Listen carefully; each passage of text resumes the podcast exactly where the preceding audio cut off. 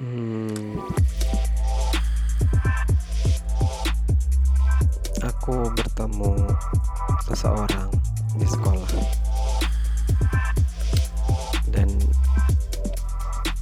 aku lihat dia dengan temannya sedang berkumpul. Aku lalu berjalan ke kelas dan dia menyapa aku. Hei tunggu. Aku menoleh ke arah dia. Maaf. Ada apa? Kamu mau ke mana? Aku mau ke kelas. Kamu siapa? Kenalin, namaku Seno.